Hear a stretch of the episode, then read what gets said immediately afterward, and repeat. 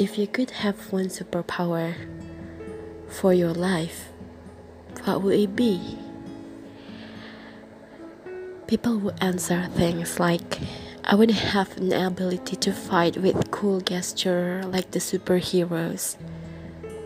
I would have an ability to be able to travel anywhere and everywhere so I don't stuck at one place.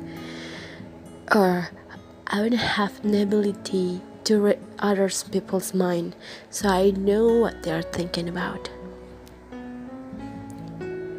I can't even imagine if all people born with special superpower would the works be more effective?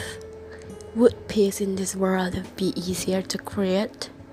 Or the world will become a mess because everyone are busy to show what they've got?